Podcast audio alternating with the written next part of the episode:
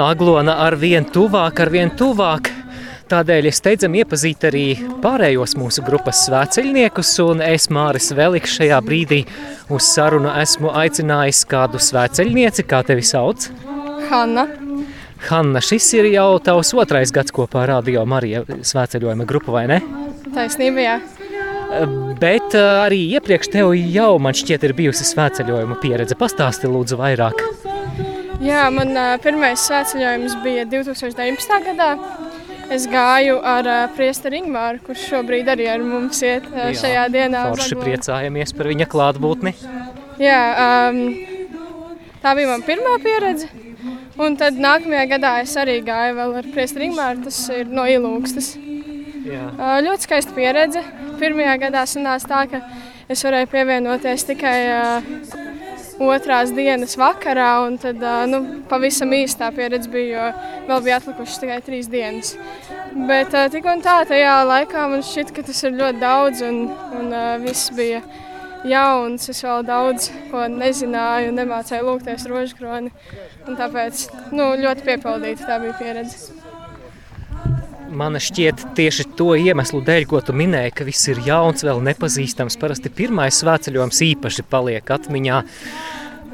Varbūt tev nāk prātā kādi iespaidi vai kāds īpašs notikums no pirmā svētceļojuma un vispār kā tu jūties? Es atceros, ka es jutos ļoti labi. Man nebija brīdis, laikam, ka man gribētos prom, ka man gribētos mājās. Nu, varbūt trīs dienu laikā ir grūtāk tā sailgoties Jā. pēc mājām. Bet uh, to es atceros. Un, uh, un tad es atceros, vēl, manuprāt, tas bija jā, adorācijas vakars.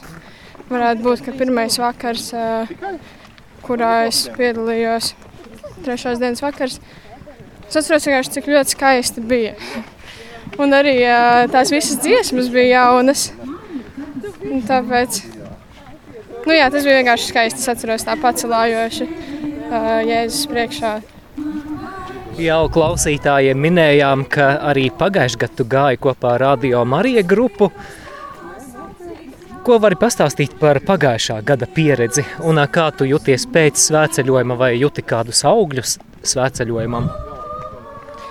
Jā, um, pagājušajā gadā bija pirmais mans tāds garais svētceļojums, kas laikam bija 12 vai 13 dienas. Jā, apmēram no smiltenes gājām. Jā, um, tas bija interesanti, jo, protams, pa vidu um, paspēja būt kaut kādas dienas, kad ir tās lūzums, ka, nu, viss, nu, ka tagad varētu braukt mājās. Bet nu, nekad man nav bijis tā, ka nebija pagājušajā gadā, ka es tiešām nonāku līdz tam mirklim, ka viss, es vairs negribu iet ar jums. Man ļoti patika, tāpat kā visi pārējie svētceļojumi man ir patikuši. Kāds bija jautājums? Jā, pirms gada viens no skaistākajiem mirkļiem priekš manis Aglonā bija kāds eh, adorācijas vakars, kurā jaunieši muzicēja, pielūdza Dievu ar dziesmām, un arī tu biji viena no dziedātājām, cik es atceros, vai ne? Eh, Kā tev pašai patika? Uh, ļoti patika. Uh, tas bija pavisam citādāk nekā bija pirmajā gadā. Mēs arī piedalījāmies. Tas bija iekšā Aglonā, Bazilikā, bet tad tas viss notika ārā. Un, uh, es atceros, bija tāda tik un tā kopības sajūta gan ar tiem, ar kuriem uh, es dziedāju kopā, gan ar tiem, kas uh, bija, nu, es nevaru to nosaukt par baznīcu, bet uh, nu, da, uh, baznīcas dārzā. Jā, Tas viss notika. Bija skaisti, jā. jā man tas bija neaizmirstams mirklis, Ļo, ļoti, ļoti, ļoti patika. Jā, es redzu, ka mūzika tev ir ļoti tuva lieta, vai ne? Tu arī ikdienā esi saistīta ar mūziku, vai ne?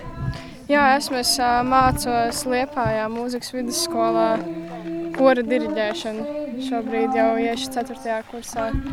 Un uh, kalpoju arī savā draudzē aizputē um, kā, kā mūziķe. Vadi kori vai, vai pati dziedi un muzicē?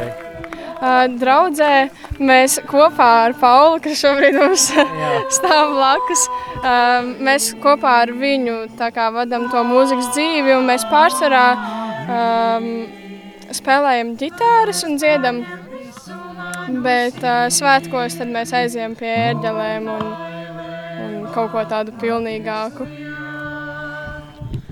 Es domāju, ka daudzi tavi vienaudži varētu apgalvot, bet ticība taču vairs nav moderna. Kāpēc tu esi baznīcā, kāpēc tu tici Dievam un viņam kalpo? Tas ir labs jautājums. Um, nu, varbūt tāpēc, ka tas nebija no pašas bērnības jau tieši tādēļ, jo um, man neviens nekad nav licis iet uz baznīcu. Un 15 gados es um, nonācu baznīcā, un tas viss man šķita kaut kas, kaut kas pilnīgi cits, li, uh, kā, ko es līdz, šim, līdz tam nebiju piedzīvojusi. Un es sapratu, ka ir skaisti sekot kaut kam tādam, un pavisam cits uh, skatījums uz dzīvi man uh, parādījās. Un ka ikdienai arī ir kaut kāda jēga, jo tu visu laiku apzinājies, uh, ka Dievs ir klātesošs.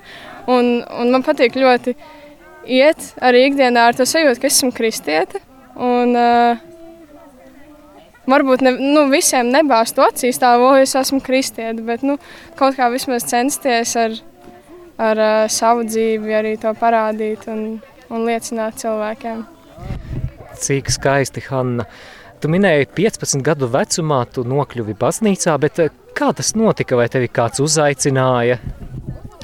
Jau pieminētā Paula, viņa, viņa arī tajā laikā nebija tā īsti baznīcā, bet viņa man viņa bija atradusi, kāds viņai bija pastāstījis par tādu nometni Kampo Jēzus.